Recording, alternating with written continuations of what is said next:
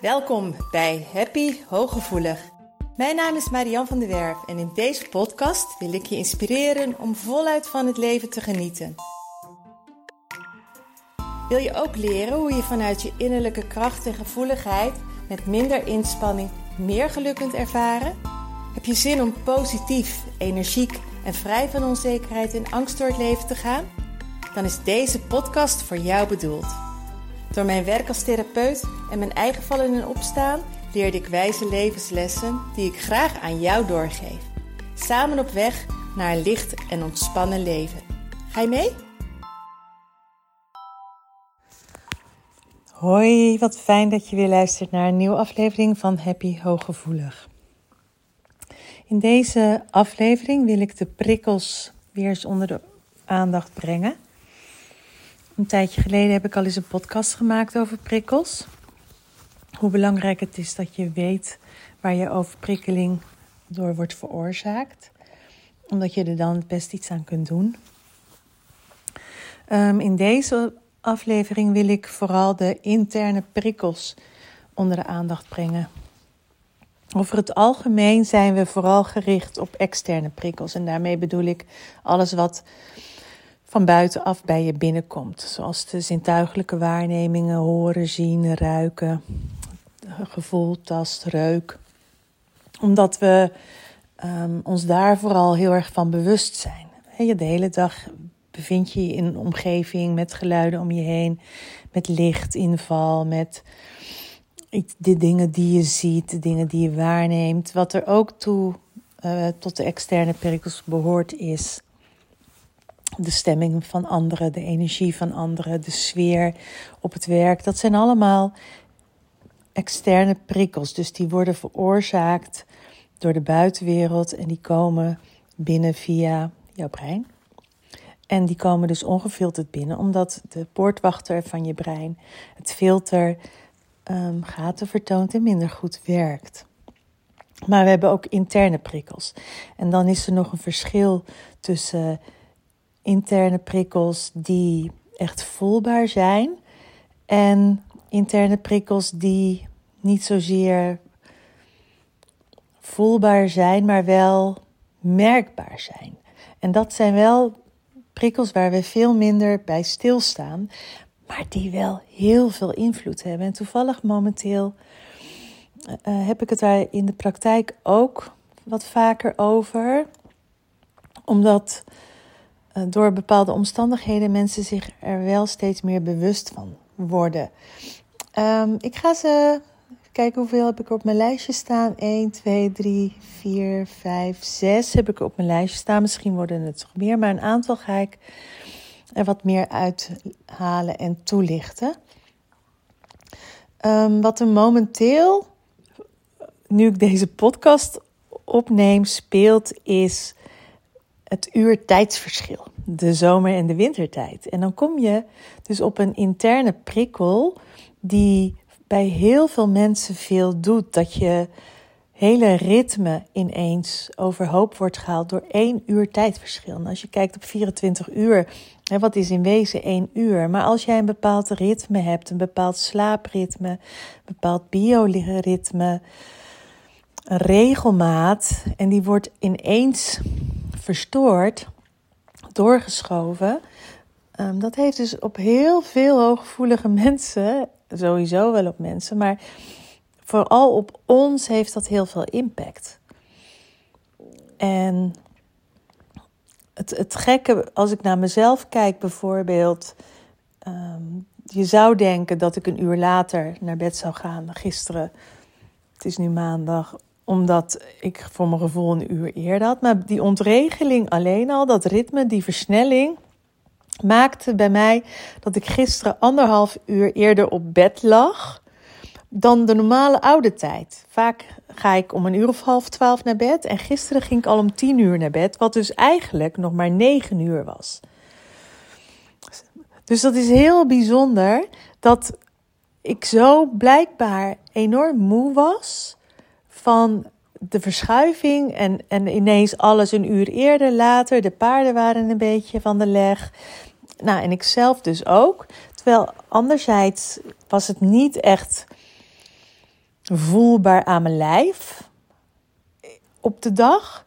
Maar toch had het zoveel impact dat ik s'avonds enorm moe was. Terwijl het een zondag was en het mijn vrije dag was.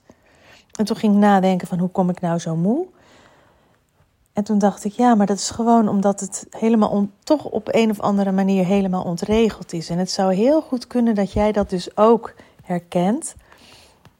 Dat het, het is niet voelbaar aan je huid, het is niet voelbaar, misschien nog niet eens aan je humeur. Maar toch is er een sprake van overprikkeling die je heel erg moe maakt. En sowieso is slaap um, een interne prikkel. Als je onvoldoende slaap hebt, of um, ik, ik heb veel mensen die in de zorg werken, die ook dus met um, ploegen te maken hebben, of met, met, met ochtenddienst, met middagdienst, met avonddienst, met nachtdienst. Killing. Het is zo zwaar voor hen omdat ze iedere keer weer opnieuw moeten wennen. En wij hebben gewoon heel veel tijd nodig om te wennen. We, we houden niet van veranderingen. Dan praat ik even over de, niet over de high sensation seeker. Die heeft enerzijds ook wel moeite met verandering, maar vaak ook heel veel behoefte aan verandering. Maar steeds dat switchen, steeds uit je ritme gehaald worden, steeds weer moeten wennen. Dat brengt zoveel prikkels met zich mee dat behalve het vermoeide van het werken, dat echt serieus iets is om je bij stil te staan. Om, om daar dat te overwegen of je dat wel moet willen, misschien zelfs. Of daar niet een modus in te vinden is dat je wat meer stabilisatie hebt. Omdat slaap, nacht, nachtbraken, um, het steeds wisselen de nachtrust is zo belangrijk en die stabiliteit is gewoon heel erg belangrijk voor ons.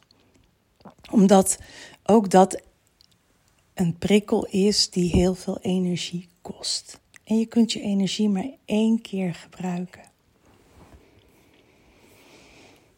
Dus hoe is dat bij jou? Ehm, ben je, en, en bijvoorbeeld ook al als je een niet echt een ochtendmens bent, maar meer een tussendoormens. Ik noem dat de beren. Dat je vanaf een uur of negen à tien echt goed op dreef bent. En uh, vanaf een uur of acht, half negen wakker. En s'avonds graag om een uur of elf alweer naar bed wilt. En je moet iedere dag om zes uur op. Dat is een serieus prikkel. Dat kost je heel veel energie. En alleen al daardoor, als je dat continu dag in dag uit hebt, kan dat gedurende de dag al voor overprikkeling zorgen. Al bij het opstaan, bij wijze van spreken. Omdat je er niet aan kunt wennen, want het is je bioritme niet. Andersom is als je s'avonds heel laat nog bezig bent, terwijl je al zo moe bent, omdat je een ochtendmens bent, dat, dat zorgt ook voor overprikkeling. Een tweede, um, wat momenteel ook wel heel erg speelt, dat is de temperatuur. Uh, we hebben te maken op dit moment dat ik die podcast maak nog met hoge gasrekeningen, met nog steeds hoge energierekeningen, waardoor veel mensen uh, minder verwarming gebruiken, waardoor het kouder is in huis, waardoor ze meer met laagjes werken. Temperatuurverschillen, temperatuurwisselingen uh, is een interne prikkel waar je heel veel last van kunt hebben. En momenteel heb je ook nog dan hebben we ook nog te maken met de weersomstandigheden die heel erg fluctueren. Zoals het drie dagen of vier dagen geleden leek het wel lente. Dat je bij wijze van spreken in, in, in een, in een t-shirt of in een dunne sweater buiten kon zitten en buiten kon lopen. Um, vanmorgen was het weer drie graden.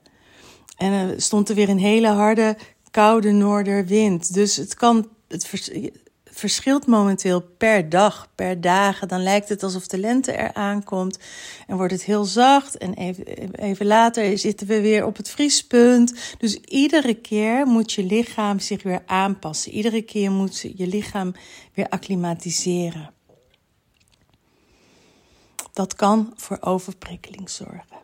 En je merkt op een gegeven moment, ook bij dit soort interne prikkels, dat je soms denkt van wat is er nou aan de hand? Maar ik ik ben geïrriteerd, ik ben moe, ik ben humeurig. En ogenschijnlijk doe ik toch mijn best en ik neem mijn, mijn, mijn uh, ontspanning en ik bewaak mijn agenda en toch is er continu zo'n irritatie. Nou, dat kan door dit soort interne prikkels kan dat veroorzaakt worden. Honger. Heel veel hooggevoelige mensen die kunnen beslist niet tegen een hongergevoel.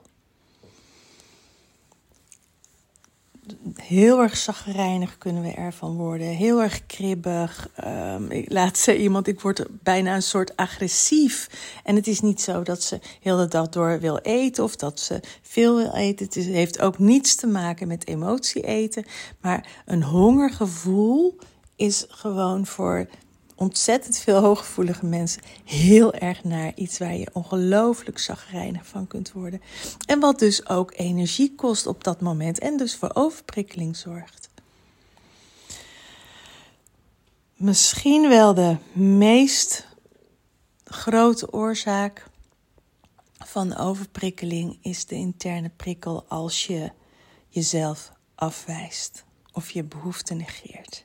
En dit is er eentje die ik echt erbij wilde hebben, omdat ehm, op een moment dat je continu voorbij gaat aan je eigen behoeften, maakt dat je heel erg verdrietig. Want je bent jezelf steeds aan het afwijzen. En het, het, het komt, je komt ermee op het level van ik doe er niet toe, ik ben niet waardevol. En um, vaak zoeken we die aan de bui Komt hij vanaf de buitenwereld? Zoeken we hem ook? Willen we hem ook oplossen in de buitenwereld? Door dus inderdaad uh, heel erg je best te gaan doen en voor anderen in de weer te gaan. Wat een externe prikkel dan wordt, hè? want je gaat dus. Uh, je zorgt voor heel veel overprikkeling in de omgeving door, je maar, door maar met anderen bezig te zijn. Maar hij komt vanuit een interne prikkel. Hij komt vanuit de interne afwijzing omdat je continu voorbij gaat aan wat jij nodig hebt. Omdat je steeds over je grens heen gaat. Omdat je jezelf niet serieus neemt. En dat maakt gewoon enorm verdrietig. En dit is er dus eentje die niet gelijk voelbaar is. Die bijna verborgen is. Maar heel veel externe prikkels komen voort uit deze interne prikkel. Want vanuit het negeren van je behoeften ga je ook heel makkelijk over je grens heen. Doe je ook niet de dingen die goed voor je zijn. Um, blijf je ook te lang bijvoorbeeld op een verjaardag hangen, um, waardoor je overprikkeld raakt. Maar op een moment dat je jezelf niet had afgewezen en um, niet was gaan compenseren, om er toch bij te horen, om je toch goed genoeg te vinden, om je toch waardevol te vinden, dan was die externe overprikkeling er ook niet geweest. Want dan had je niet naar de verjaardag gegaan, bijvoorbeeld. En dit is er echt eentje om mee stil te staan. Want als je echt gaat luisteren naar je behoeften en echt gaat doen wat goed voor jou is, A. Voel je je niet meer zo verdrietig? Voel je je niet meer zo somber? En aan de buitenkant voorkom je daarmee ook externe prikkels. Externe overprikkeling moet ik eigenlijk zeggen. Niet externe prikkels, maar externe overprikkeling. Ehm, de innerlijke onrust heeft daarmee te maken. Maar innerlijke onrust zorgt ook voor heel veel overprikkeling. En dat kan onrust zijn, zoals ik hem net noemde. Maar het kan ook onrust zijn omdat je bepaalde keuzes niet maakt. Het kan een onrust zijn omdat je veel um, op je lijstje hebt staan. En, uh, of, of, of dat je negatieve gedachtegang hebt. Maar dat zeker als je niet in lijn bent, als je gedachte ook niet in lijn is met wat je voelt. Hè, dan komt die tweestrijd van binnen en die veroorzaakt innerlijke onrust. En innerlijke onrust zorgt altijd voor overprikkeling. Zorgt altijd voor overprikkeling, zorgt altijd op een gegeven moment voor vermoeidheid. Ik hoor heel vaak iemand zeggen: Ik word er gewoon doodmoe van dat ik niet kan kiezen. Of ik word er zo moe van dat ik me heen en weer geslingerd word met mijn gedachten. Ja, dat is ook zo. Dat zorgt ook voor heel veel overprikkeling. En de laatste die ik wil noemen, die is um, wel voelbaar, is pijn. Er zijn een paar dingen waar we niet aan kunnen wennen als mens überhaupt al. Dat is aan schaarste, aan eenzaamheid en aan pijn. Pijn is een, ja, het, het zit er een beetje tussenin. Hè? Het is wel in je lijf, maar hij is wel echt voelbaar aan de buitenkant. Maar pijn die voortkomt uit uh, gewoon, weet je, niet deze pijn van een wondje, maar sowieso rugpijn, hoofdpijn, schouderpijn, nekpijn. Zo'n zeurende pijn die continu aanwezig is, of pijn in je buik en dergelijke. Alleen al van een hele dag buikpijn. Stel je voor als je thuis bent en je hebt een hele dag pijn. Kijk maar eens wat dat doet met je, met je humeur. Kijk maar eens wat, wat dat doet met je energieniveau. Van pijn word je heel erg moe. Pijn is een vorm van een interne overprikkeling. In, ieder geval interne prikkel.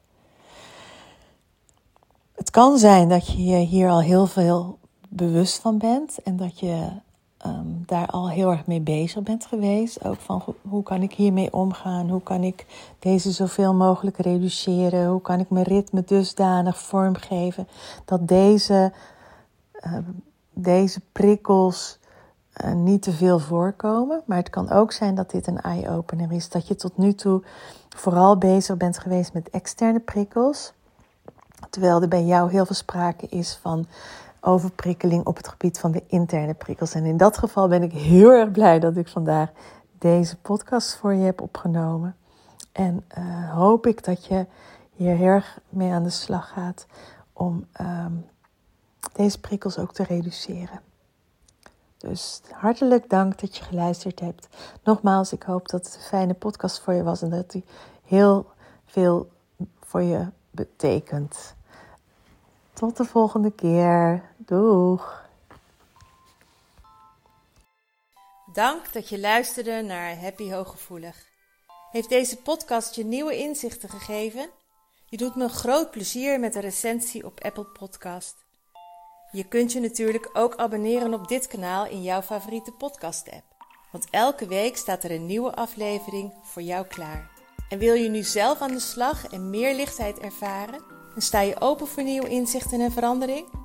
Neem dan vooral eens een kijkje op mijn website www.zienswijs.nl. Daar help ik je graag nog verder. Zie ik je daar?